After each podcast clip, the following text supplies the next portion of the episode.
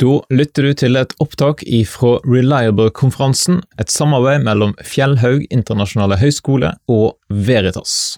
Great. Well, thank you for coming uh, again. I see some of you have had pizza, and uh, you know, after lunch, when someone's talking, maybe you'll be inclined to go to sleep, but I'll try and keep you awake. And what we're going to do is we're going to try and look at the reliability of the Gospels and the case for that. One of the things I would say to start with is that we know roughly when the Gospels were written. I mean, even skeptics would give dates for the Gospels that are within 100 years of Jesus, uh, and actually, usually less. But we can be more precise. You see, the, the four Gospels Matthew, Mark, Luke, and John always come with names on. There aren't manuscripts that don't have those names on. Those are part of the Gospels. And there is a very strong tradition from the beginning that Matthew, Mark, Luke, and John wrote those four Gospels. Now, let's think about who Matthew, Mark, Luke, and John were.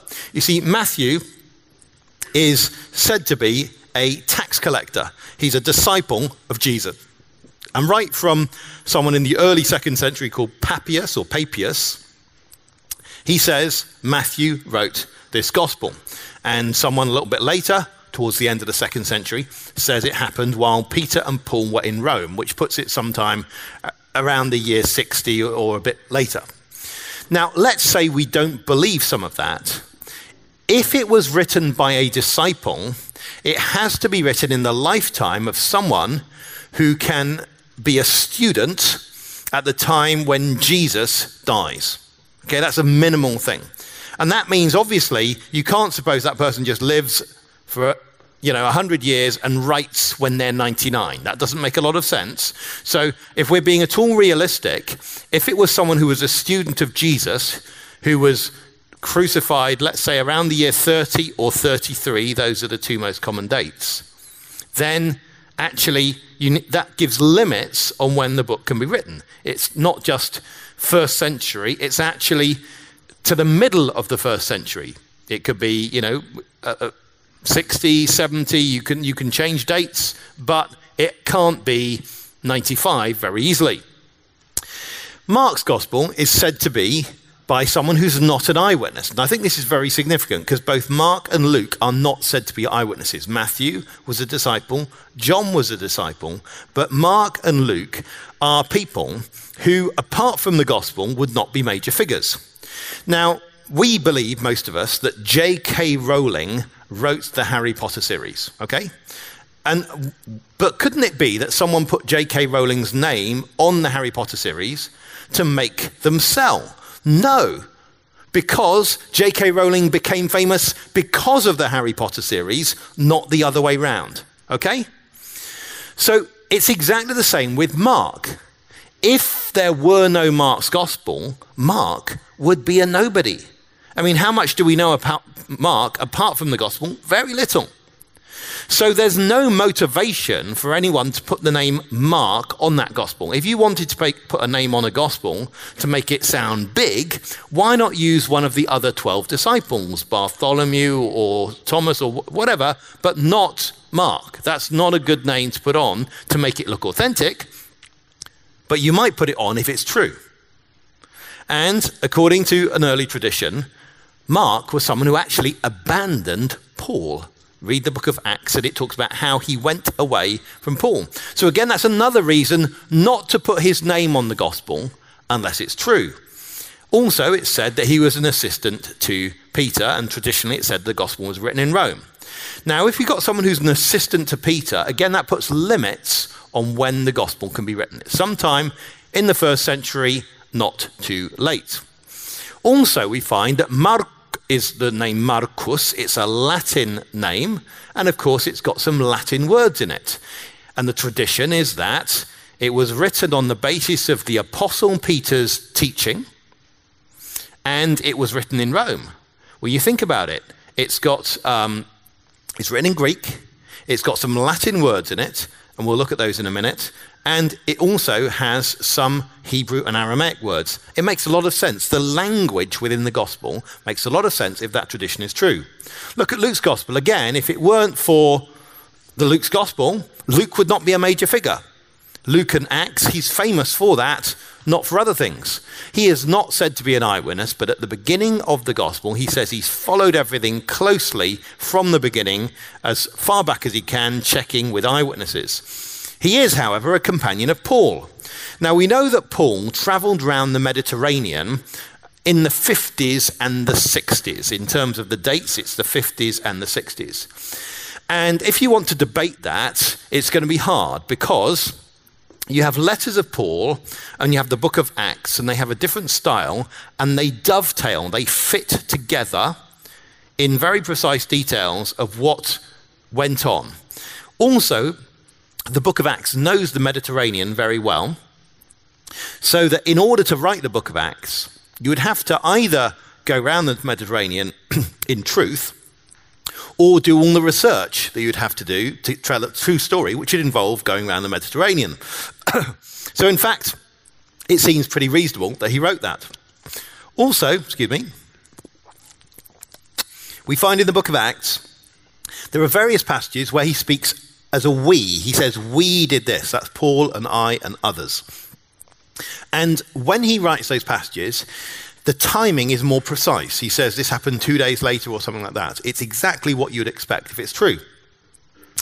But that means it has to be during the lifetime of someone who can be a doctor and then a traveling companion of Paul in the 50s and 60s.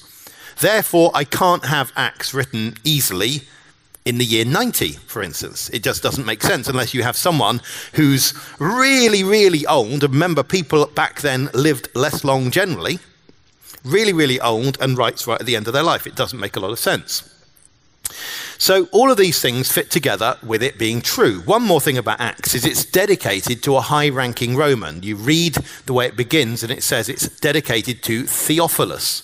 Actually, you find this is the same style which is used by Josephus when he dedicates his work to um, posh you know, people who can sponsor the publication. Think about it. If it weren't written by Luke, how would that dedication even get there? The de- dedication only works because the person sponsoring the publication knows who's writing. So, all of those things mean not that I can prove it's genuine, I'm not interested in proving it's genuine, but that the easiest explanation, the best explanation, the simplest explanation is that it's genuine. Then finally, John's Gospel.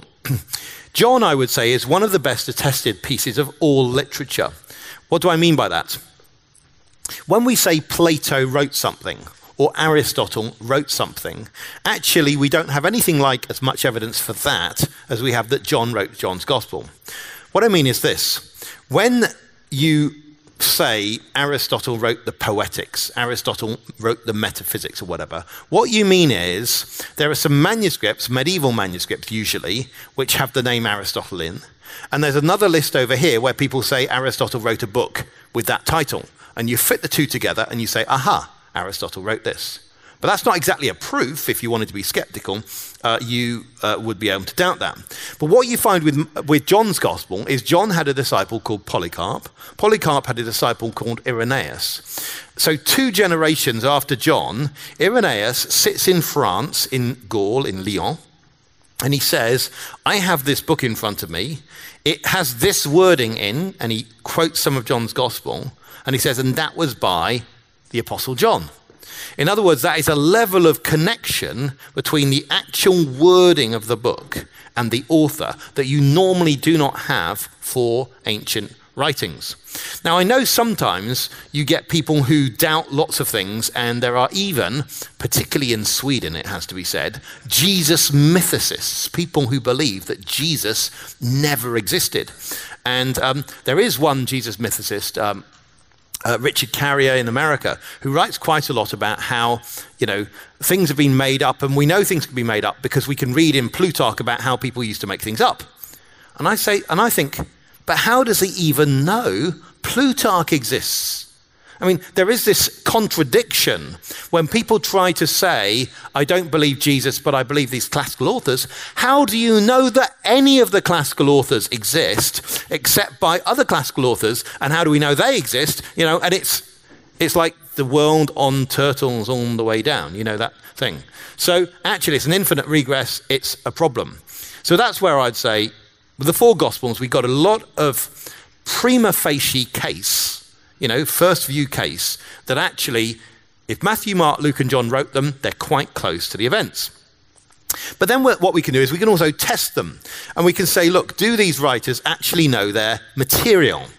And so this is where, I'm sorry that's too small to see, but you'll get the idea, and it's in the book, by the book, um, is uh, that if you look at the geographical places, the towns mentioned in the Gospels, you find all four Gospels know a lot. So this is uh, names of towns Aenon, Arimathea, Bethany, Bethlehem, Bethphage, and so on. These are the Gospels. And which ones do they mention? Well, all four Gospels have Bethsaida. Three of them have Bethphage. Only John has Cana. Um, Matthew and Luke have Chorazin, and so on. Uh, and you look through all of these different Gospels and you see they all seem to know quite a few place names. Now, I went for a walk uh, around Oslo Centre today, and not having walked around Oslo Centre today, I didn't know what to expect. So I didn't know that your king lived in a palace which didn't have a fence stopping everyone getting up close. I mean, how would I know that, you know, unless I'd been here? And all sorts of things like that I didn't know about the way things were. So, what happens if I were trying to write a story about Oslo, right? And there were no internet? How would I possibly get anything right? If the gospel writers did not come from the land of the events and they just make up stories, they will inevitably go horribly wrong. So there's only two ways they can get the material right. Way number one, they come from the land or have spent lots of time in the land. Way number two, they have had extended research conversations with people who've been in the land. And we'll see that there are no other possibilities. So you can look at all the towns they mention, and there are lots there, and you can look at the regions they mention, you can look at the bodies of water that they mention. You can look at the other places they mention, like Gethsemane, which is not a town, it's a garden, or the um, Golgotha. Interestingly, Gethsemane and Golgotha are not towns or not places we hear about elsewhere outside the Gospels, but they have the exact linguistic form that you'd expect them to have for this area. In fact, Gethsemane, Semmani, is related to olives, and guess what? It's on the Mount of Olives. And no one in the Gospels ever says that, it's just there as a name of a garden. So, in other words, they know things, and constantly, as you read the Gospel writers, you see how familiar they are, how with the places in Palestine. They know what they're talking about. And I was rather surprised with this bit of conclusion. Um, a research assistant of mine, I asked to search for the numbers of places there are in each of the Gospels and the number of words. And what we find here is this is the number of words in the Gospels according to the Greek edition that uh, we produced. So this is our, our, Greek edition, if you want to read uh, the Greek produced by uh, Tyndale House, based on manuscripts. I was involved with that. Um, this is the number of words we have in each of the Gospels. Then we have what's the number of places, towns, regions, bodies of water, other places. Then we divide this by that, and we find amazingly that basically all four Gospels have about five place names per thousand words. All four Gospels have about five place names per thousand words. This is a very surprising thing. How do we explain it? Here's an explanation. Luke says to Mark, Mark, how many words do you have in your gospel? Mark goes through and counts them one at a time. Of course, back then, they didn't divide words in manuscripts. They didn't have capital and lowercase letters. It makes it more difficult to count words, but he did it anyway. And then Luke says to Mark, Mark, and how many place names do you have in your gospel? Again, because they don't have lower and uppercase letters. It's a bit more difficult to uh, count that, but he goes through and he chooses and he counts that and gives Luke the proportion. Luke then decides that he's going to try and compose a book with exactly the same proportion of place names. Matthew and John hear about this. They think it's a great idea. And so they decide that they are going to put. No, this isn't going to work, is it? If you were trying to put place names in to make the story sound authentic, one person will put in too many, one person will put in too few. This is the sort of result. The most likely way you get this is by not trying. If you are simply not trying, but you are truly reporting and mention places when it's relevant, you might get a result like this. But there are other ways we can test. You see, we can look at regions they mention, and we find that all four Gospels mention Galilee more than they mention Judea. Galilee is blue, Judea is red in this graph, okay? So you can see all four Gospels mention Galilee more. That makes sense because Jesus spent more time in Galilee. But then you ask, okay, that's Galilee and Judea. What if we have Galilean and Judean? People from Galilee, people from Judea. Actually, we find an inverse relationship. Here it is Galilee, Judea in Matthew, but then Galilean hardly any, and Judean more. Galilee and Judea here in Mark, Galilean hardly any, and Judean more. Galilee and Judea in this proportion in Luke, Galilean and Judean about equal. But guess what? Whereas Matthew is a Galilean and Mark is a Galilean, Luke isn't. You know? Or Luke, sorry, Mark gets his material from a Galilean. Uh, Luke isn't, which is quite an interesting thing. And then in John, we have Judean or Jew used an awful lot. Again, he's a Galilean. Now, what you wouldn't normally do is walk into Oslo and say, I walked into Oslo today and I met a Norwegian.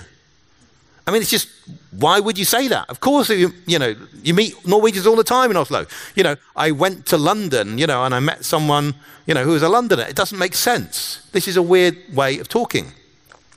But it is, if the Gospels were actually written about, you know, Galilee and Judea in that proportion, and these ones were by Galileans, it would make a lot of sense that they would get this sort of proportion.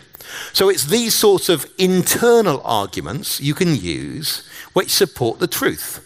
Now, I don't want any of my arguments to be seen as arguments you cannot break.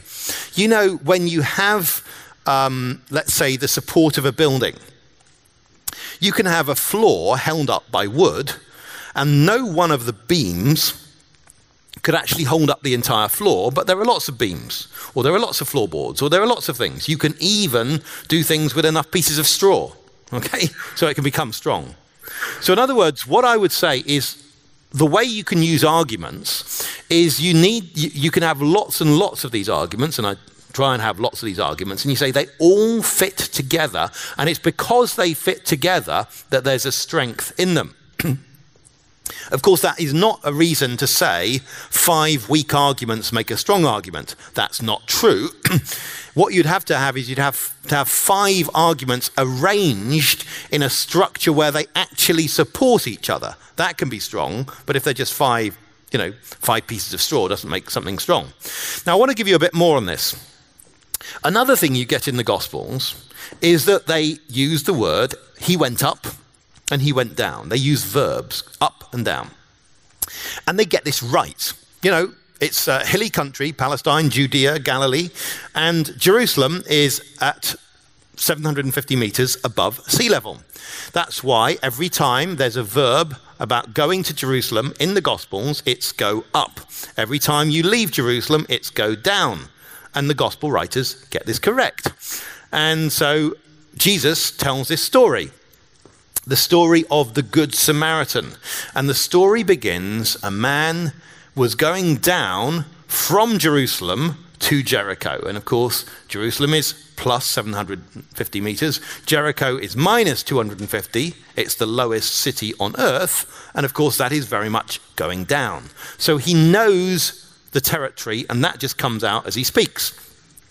It doesn't just happen with Jerusalem, the capital, it happens with other places. Nazareth is 350 meters above sea level. And what we'll see is that, for instance, uh, that Jesus goes down from Nazareth to Capernaum. Well, Capernaum is minus 200. It's in the sea of, uh, by the Sea of Galilee, so the verb is went down. Or from Cana, he went down to Capernaum. Cana could be one of three places. There are three possible places Cana should, could be all of them are above 200 meters above sea level. In other words, the verbs work right. And that's why in John chapter 4, when the man is asking Jesus to come down and heal his son, he says, Come down. The verbs are right, they're always right.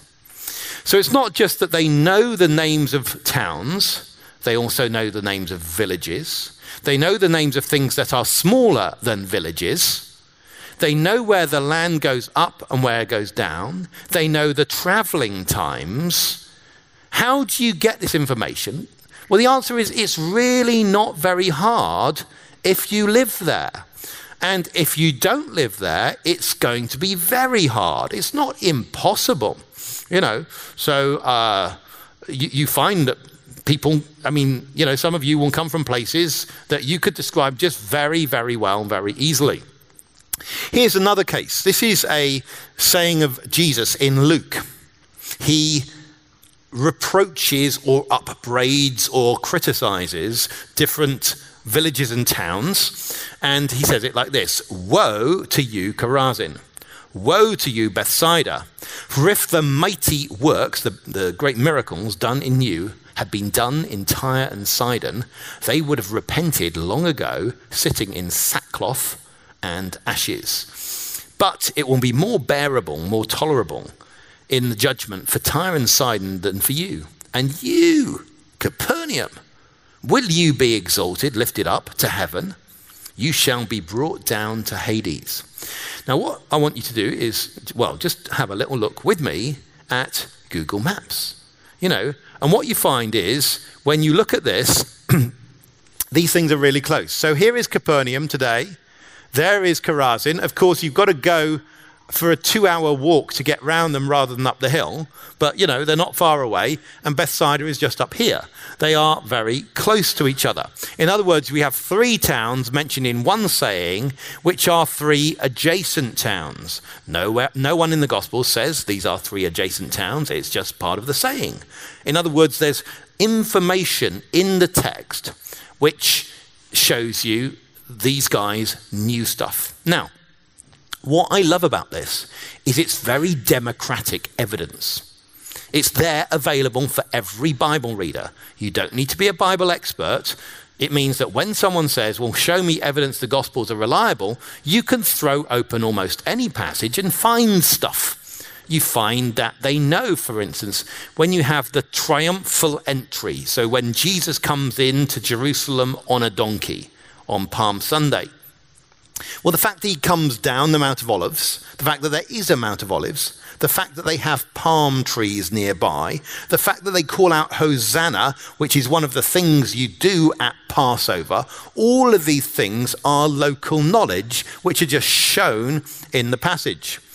Where could they get this from? I looked at every ancient possible source in writing of ge- geographical knowledge. And you find that none of them could work to give the gospel writers what they need. You see, there are some place, things, like our first ones here, um, where you have a great writer on geography, Strabo. The problem is he doesn't actually say enough about the relevant places. So that won't work. Pliny the Elder won't work. Tacitus won't work. Then you have people who've maybe been to Palestine once, like Philo, but doesn't really have quite enough places either. Ptolemy, the great geographer, doesn't mention all the places and is probably too late.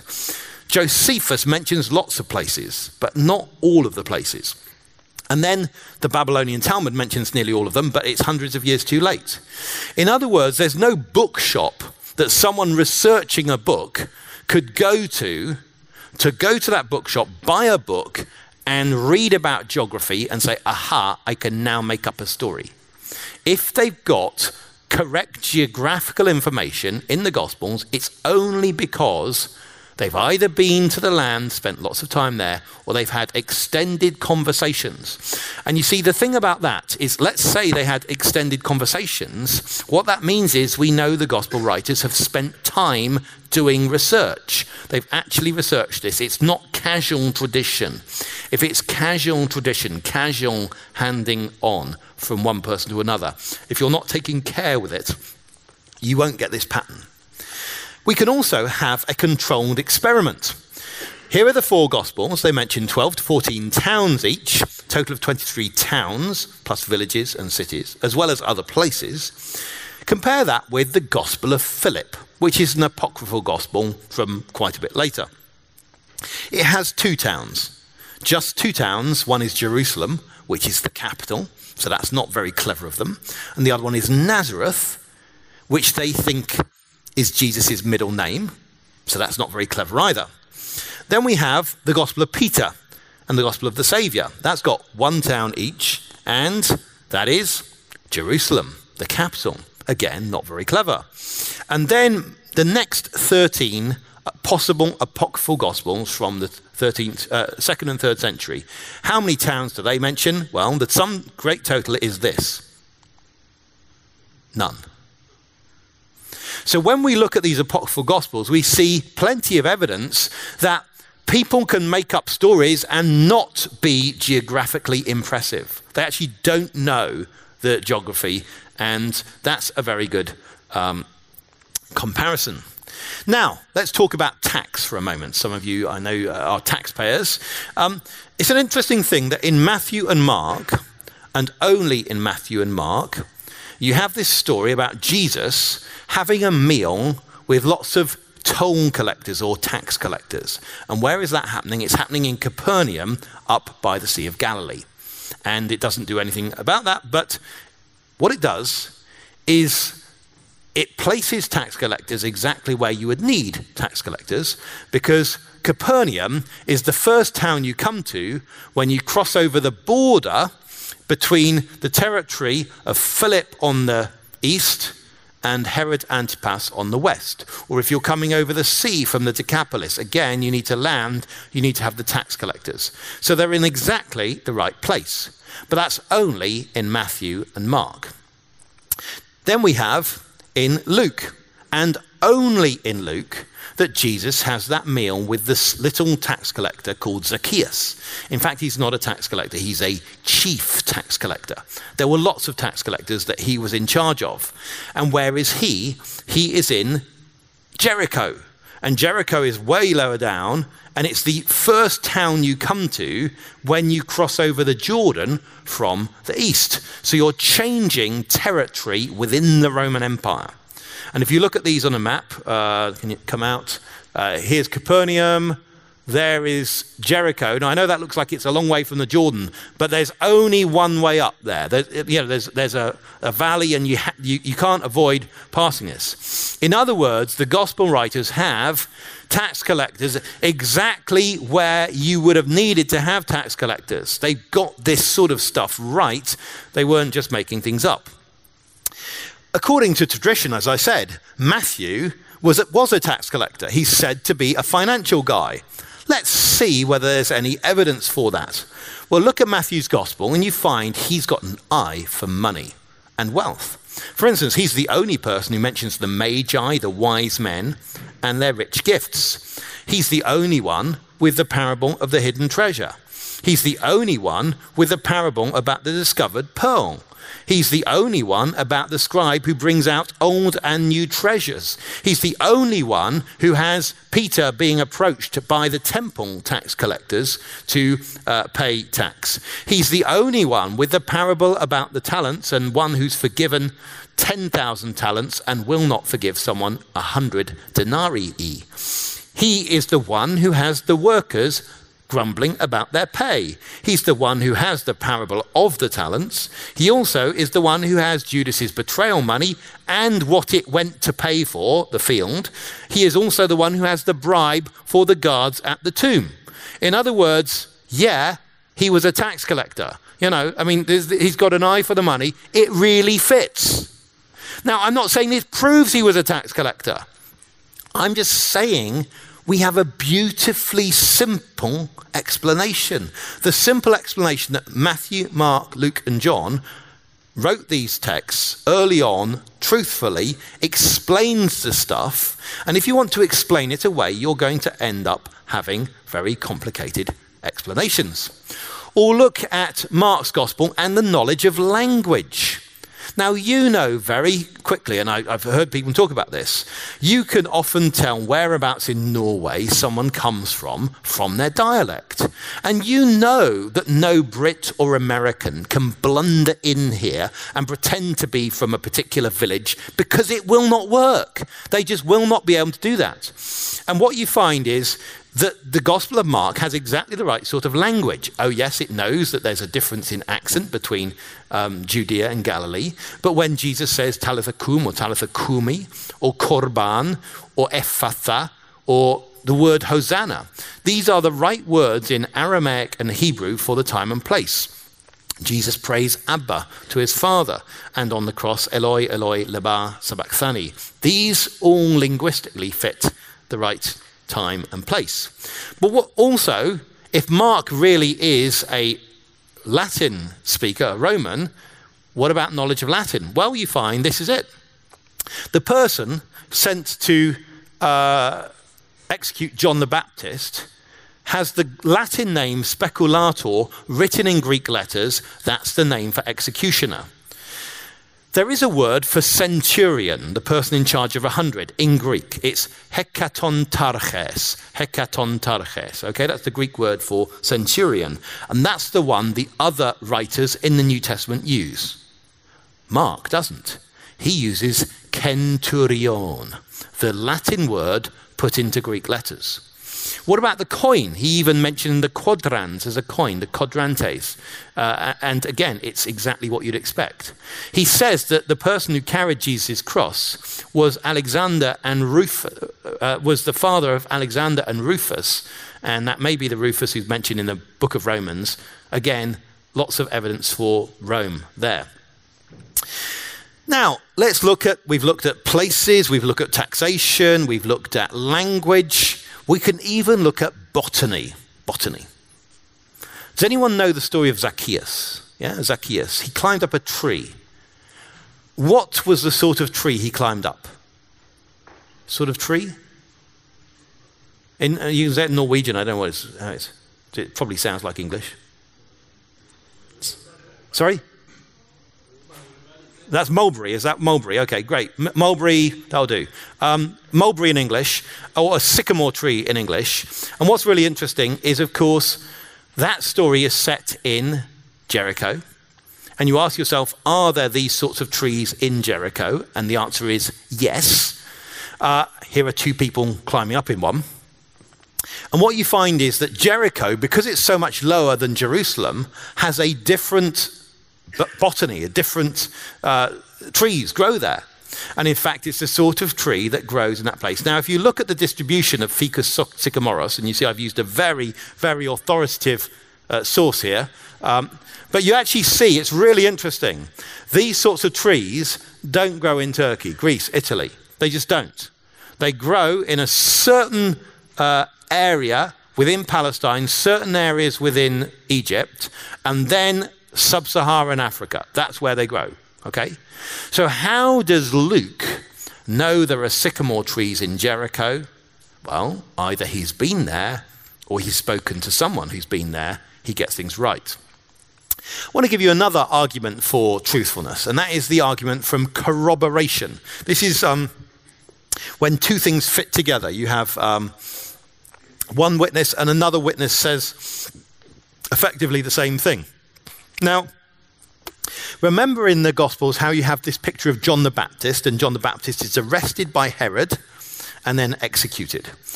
And John the Baptist is not just mentioned in the Gospels, he's also mentioned by a Jewish historian called Josephus. And Josephus talks about a time when Herod lost his army, they were destroyed by the army next door, you know, the uh, Arabians. And uh, actually, this is what Josephus says Now, some of the Jews thought that the destruction of Herod's army came from God as a just punishment, a fair punishment for what he had done to John, who was called the Baptist. For Herod killed him, though he was a good man, and commanded the Jews to practice virtue, showing righteousness towards one another and piety towards God, and to come together for baptism. The baptism would be acceptable to him if they were not using it to put away sins, but for the purification of the body when the soul had already been purified beforehand by righteousness. Now, let me explain that. According to Josephus, baptism is not about washing your body, it's about the fact that you already have to purify your heart and then the baptism comes afterwards. in other words, it's exactly the same as you have in the Gospels repent and be baptized. Now, when others came crowding round, for they were very pleased by hearing his words, Herod was afraid that the great influence John had over the people might lead to rebellion, since they seemed to do whatever he advised. He thought it far better to take and kill him before any trouble came from him than to have regrets if trouble arose. In other words, to regret and think, I should have killed him and I didn't. so, through Herod's suspicion, he was sent as a prisoner to Machaerus, the aforementioned castle, the castle mentioned beforehand, and was killed there. Now, it's a bit different from the Gospels, but we got a number of similarities. For instance, John the Baptist preaches and is imprisoned and then executed. Well, I guess that's a logical order. It has to be like that. The same person's responsible for the execution. he has an authority to teaching and baptism. And the message of baptism is basically the same. But also, there's a bit more. You see, in Josephus, the reason for the war, which meant Herod lost his army, is that Herod had married the daughter of the king next door. Okay? And he'd married her and then divorced her. She was called Phasaelis, the daughter of Aretas IV of the Nabateans, to marry Herodias. Now, we don't read about Phasaelis in the New Testament, we do read about Herodias, the wife of his brother Philip. Now, in the Gospels, it says that John the Baptist condemned John, uh, uh Herod's married to Herodias. He said this shouldn't have happened, and then Herod executes John the Baptist. Well, you think about it, if you read Josephus, you don't see any logic to why he would think the destruction of the army of Herod was because he had executed John the Baptist. There's no logic to it. Like, his army was destroyed, he had executed John the Baptist. How do you link those two? The Gospels give us the link. Because the Gospels say that John the Baptist criticized the very marriage which caused the war. So, in other words, when you put everything together, they fit in an amazing way. And this is what you get when you get true reporting. A similar argument could be called undesigned coincidences. Uh, undesigned coincidences is a word I use for when things fit together uh, and no one could have conceived that or thought that up in order to prove authenticity because the agreement is so subtle. It's so often in small things, that's the way things fit together. So in Luke's gospel, you have this story of two sisters. Jesus is traveling, and it says, Now as they went on their way, Jesus entered a village, and a woman named Martha welcomed him into her house. And she had a sister called Mary who sat at the Lord's feet and listened to his teaching. But Martha was distracted with much serving, and she went up to him and said, Lord, do you not care that my sister has left me to serve alone? Tell her then to help me. But the Lord answered her, Martha, Martha, you are anxious and troubled about many things, but one thing is necessary. Mary has chosen the good portion, which will not be taken away from her. Now, there are many things in this passage. One of them is Mary and Martha are very good, authentic names for the place. And in fact, when you look at the characters named in the Gospels, they have the right sort of names for Jews at the time. You will notice that if you come to England, we have fewer people named after the god Thor than you have here, for instance. Names vary from one place to another these are the right sort of names for Jews in Palestine, but Jews in different countries had different names. But we find Mary and Martha there are mentioned in Luke, and that story is only in Luke. But in John, you have a different story, and that is how Mary and Martha's brother Lazarus died and was raised from the dead. And in John chapter 11, you read about how Martha hears that Jesus is coming and she goes to Jesus. But Mary remains seated. Now, what's so interesting about this is that the same character that we saw in Luke appears in John. In Luke, Martha is full of activity, Mary is seated. Here we have exactly the same thing happening in a different story. Martha is full of activity, Mary is seated. And it says, Martha welcomed Jesus. That's what she did in Luke's gospel. And then Martha, who can't bear not to be active, sends a secret message. Then we get Mary finally gets up quickly. People think she's going to weep at the tomb. But in fact, she comes to Jesus, and guess what? She falls at his feet, like she was at his feet in Luke as well. Then it says Jesus saw her weeping. Uh, and there's no evidence or record that Martha wept. So you've got two different personalities, if you like. And then when Jesus says, Well, roll away the stone, Martha is very concerned about the smell. She's full of practicalities. She's concerned. Now, what I see is these are two completely different stories. And you can't say one story got turned into another, or one story got made up because of the other. But the characteristics we see, the character traits we see, fit exactly. It's the way we know real people are. Often, real people do the same sorts of things again and again because that's their character. This is the way the, the, the, the Gospels fit together.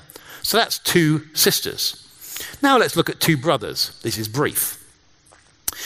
Jesus has two brothers as disciples. One is called James, the other is called John, and they have the nickname in Mark and only in Mark Sons of Thunder, Boanerges.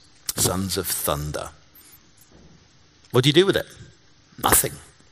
But then Luke tells a story that the disciples saw Jesus rejected by Samaritans. And then it says this When the disciples, James and John, saw, they said, Lord, do you want us to say fire should come down from heaven to consume them? In other words, you know, thunder and lightning are rather connected, aren't they? You know, uh, you of all guys should know that. So what you find is that there is a link.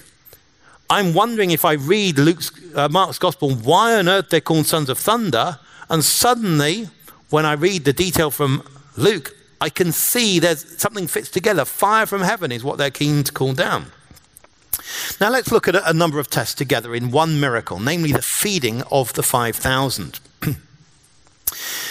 this is one of the few things mentioned in all four Gospels. All four Gospels mention the feeding of the 5,000. And in Mark, there's a comment on the grass. It says there's green grass. In John, it says there's much grass. Why? I mean, is that a little detail made to put there to make you think it's authentic? Well, then we find in Mark that many people are coming and going, but it doesn't say why. But in John, it tells you it's Passover time. Ah, Passover time is the biggest commuting time. You have to commute or uh, go on pilgrimage to Passover. So, of course, the detail in Mark that many people are coming and going fits together perfectly, but subtly, subtly, with the detail in John. Then we find that Jesus asked Philip where to get bread from in John's Gospel. Two verses later, Philip and then Andrew reply. Why those two disciples? Doesn't say. So I read through John and I have no idea. But in Luke, it's told me that the feeding took place near Bethsaida. At the beginning of John, it's told me that Philip and Andrew are from Bethsaida. So you think about this. If I read through John's gospel, I see no significance to why Jesus talks to Philip and Andrew. But if I put in the information from Luke, suddenly I explain it. That Jesus asked a man with local knowledge where to get bread from, and he and another man with local knowledge replied. Even the detail that the little boy had barley loaves fits just when you have, have had the barley harvest. The barley harvest is just before Passover. But what about the grass? Would the grass have been green? Well, the good thing is we know what time of year this was and where it was. So, why don't we look for a precipitation chart from a nearby town? And what we find is Passover is around here in the year.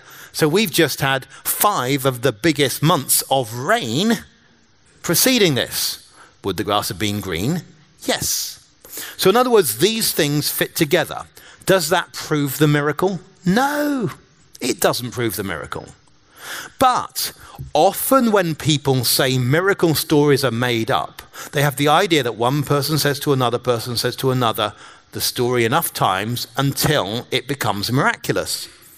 But that mechanism is not able to keep the little details correct while it corrupts the big, de- the big thing.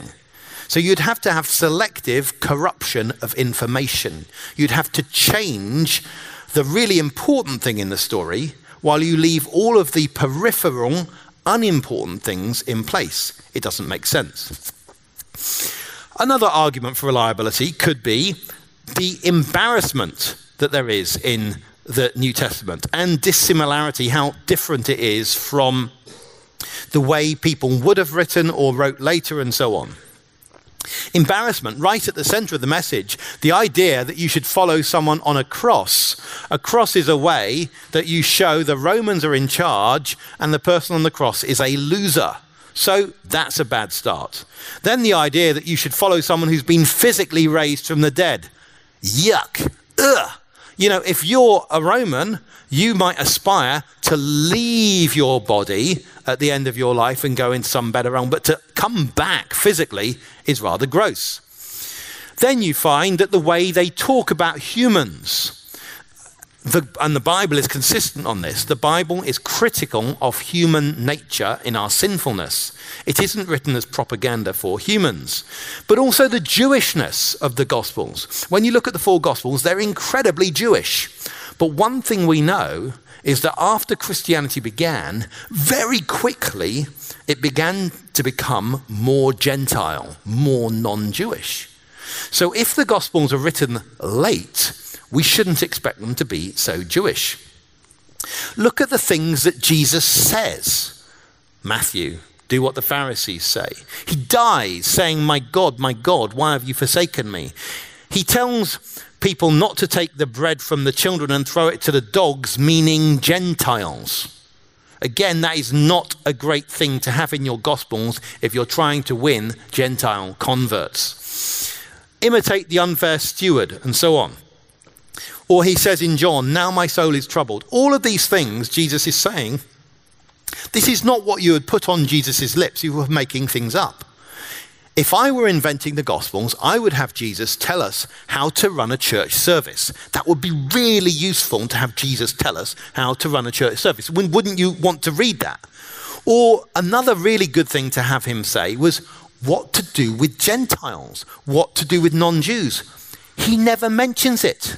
So if you were making up the Gospels later, why would you put these things in and miss out the others? It doesn't make sense. Or the fact that they record how the Gospels are, uh, the disciples are always arguing who's the greatest, and they get angry with James and John, and Jesus overturns the tables, and the disciples misunderstand, and the disciples all abandon Jesus, and Peter denies Jesus, and you know, it doesn't make sense. And even the way Jesus talks is different from the way people's talked later. You see, Jesus talked loads in parables, but the early church did not talk much in parables. So it doesn't make a lot of sense to say the early church made up Jesus' sayings. But also, the Jews at the time didn't use parables as much. So it really seems to be something that is particularly distinctive of Jesus. In the Old Testament, there are probably just two parables. There's not a lot, none in the Dead Sea Scrolls. So it's really striking that Jesus speaks such a distinctive way. So, again, I can't prove this to be true. If the Gospels did come from conspiracy, this is not what I would expect. But if they're true, it is what I'd expect. But let's look at an objection. What about contradictions? So you tell me the Gospels are true. What about things which simply do not fit together? So that's what we're going to look at for a few minutes. what about contradictions? So let's start with a good question for Lutherans. Um, are we justified by works? What do you think? How many of you think we're justified by works? No? Who, how many, hands up, who thinks you're justified by works? Hands up, who thinks we're not justified by works? Okay, good. So, I'm sorry, um, this is James. Uh, James 2, verse 24. You see that a person is justified by works, not by faith alone. So, you just contradicted the Bible. Don't worry. Here's Galatians. Yet we know that a person is not justified by works of the law, but through faith in Jesus Christ. Doesn't that seem like a contradiction to you? How many of you think that's a contradiction? Okay, good. We can have some fun. Did Jesus abolish the law? Matthew chapter 5. Do not think I've come to abolish the law or the prophets. I've not come to abolish them, but to fulfill them. Not abolishing the law. But then Ephesians, he, Jesus, is our peace, who has made us both, the Jews and the Gentiles, one, and has broken down in his flesh the dividing wall of hostility by abolishing the law of commandments. So, did he abolish the law or not? Hmm. That looks like another nice contradiction, doesn't it? Contradictions are juicy. Okay, let's look at another one. Does God think that loving the world is good? Well, you probably know this verse. For God so loved the world that he gave his only Son, that whoever believes in him should not perish but have eternal life. Nice verse. But what about this? That's John 3. What about 1 John? Do not love the world or the things in the world. If anyone loves the world, the love of the Father is not in him. I hope you guys do not love the world. I mean, loving the world is not the sort of thing God would do, is he? The love of the Father is not in anyone who loves the world. Do not love the world. Is that a contradiction? Look at another one. Let's just focus in on John's Gospel. Did people believe when they saw the signs that Jesus did? John chapter 2. Now, when he was in Jerusalem at the Passover feast, many believed in his name when they saw the signs that he was doing. John chapter 12. Though he had done so many signs before them, they still did not believe. Hmm, that's interesting. Did they believe because of the signs or not? Do people know where Jesus is coming from? John chapter 7. Jesus called out and taught in the temple, You know me and you know where I come from. Simple. John chapter 8, to the same people. Jesus answered, Even if I bear witness of myself, my testimony is true, for I know where I came from and where I'm going, but you do not know where I came from or where I'm going. Five verses later, they said to him, Therefore, where is your father? Jesus answered, You know neither me nor my father. If you knew me, you would know my father also. So, do they know him and do they know where he's coming from? Okay, if Jesus bears witness about himself, is it true? John 5. If I bear witness of myself, my witness is not true. John 8. The Pharisees therefore said to him, You bear witness of yourself, your witness is not true. Jesus answered and said to them, Even if I bear witness of myself, my witness is true, for I know where I came from. And I've read that. Okay. Does Jesus judge? John chapter 8. You judge according to the flesh, I judge no one. Next verse. Yet even if I do judge, my judgment is true, for it's not I alone who judge, but I and the Father who sent me. Ten verses later, I have much to say about you and much to judge. Sorry, sorry. So in 11 verses, we've gone from I judge no one to I have much to judge. Did you ever notice that? Read the Bible more carefully. Okay. Did Jesus come to judge the world? John 12. If anyone hears my words and does not keep them, I do not judge him, for I did not come to judge the world, but to save the world. Again, John 3. For God did not send his Son into the world to condemn the world, but in order that the world might be saved through him. John 9. Jesus said, For judgment I came into this world.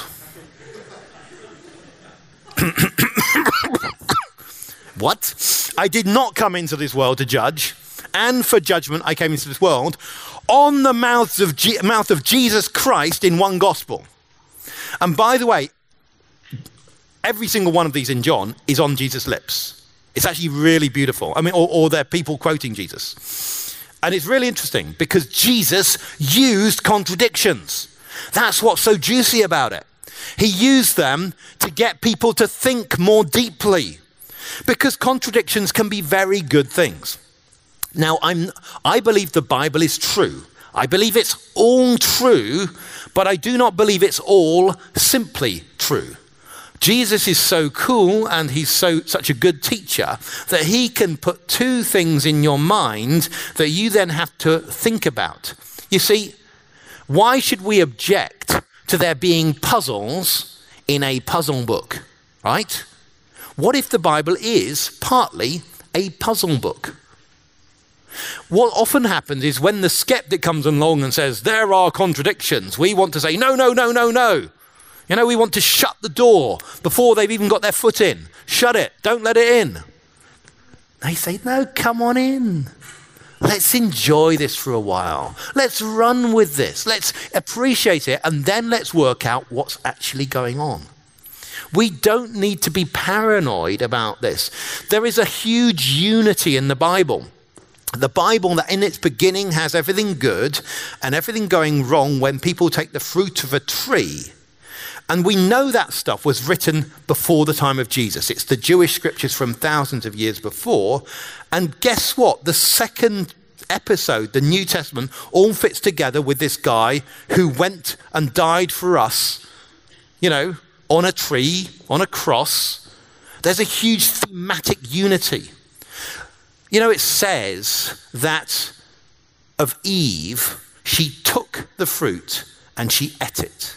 Yeah? And then Jesus is there later on in the Bible with his disciples at the Last Supper and he says, Take, eat. And it's like a reversal. This is the cup of blessing. It's an amazing thing. The Bible fits together in phenomenal ways. Therefore, I do not need to be worried about what someone says is a contradiction because what I can do is say, come deeper into the Bible and let's look at it more seriously. So here is a skeptic, Bart Ehrman. I did a debate with him, which should be up online in the next few weeks, uh, uh, um, a video debate uh, on the reliability of the Gospels. Uh, so I hope you enjoy that. And he said, One of my favorite discrepancies, I read John for many years without realizing how strange this one is, comes in Jesus' farewell discourse, the last address that Jesus delivers to his disciples at the last meal with them, which takes up all of chapters 13 to 17 in the Gospel according to John. In John 13 36, Peter says to Jesus, Lord, where are you going? A few verses later, Thomas says, Lord, we do not know where you are going. John 14, verse 5. And then a few minutes later, at the same meal, Jesus upbraids or criticizes his disciples, saying, Now, I'm going to the one who sent me, yet none of you asked me, Where are you going? John 16, verse 5. And then Ehrman comments either Jesus had a very short attention span, or there's something strange going on with the sources for these chapters, creating an odd kind of disconnect. Really? Are those the only two possibilities? Or could it be that I'm reading some amazing literature which actually provokes me to think more deeply? Here's Thomas and here's Peter asking, Where are you going? By which they mean, when you walk out of the door, which alley are you going to go in? Right? And they're not thinking of it in his level, Where am I going? Heaven. So, in fact, what we're doing is the same words are used, but they're used at different levels. And so, John's gospel is written like this to make you think more deeply. And if you find difficulties in the Bible, don't panic. Just think. This is here to help me think more deeply. Um, so that will be uh, on Justin Brierley's Unbelievable show. There's some series called The Great Questions or something. It's on Twitter, you know. Uh, it will be on Twitter. I mean, it will be. I, I will tweet about it when it comes out. Anyway, um, we have a British author called Charles Dickens. Do you know of him, Charles Dickens? This is how he begins one of his famous books. It was the best of times. It was the worst of times. It was the age of wisdom. It was the age of foolishness. It was the epoch of belief. It was the epoch of incredulity. It was a season of light. It was a season of darkness, and so on.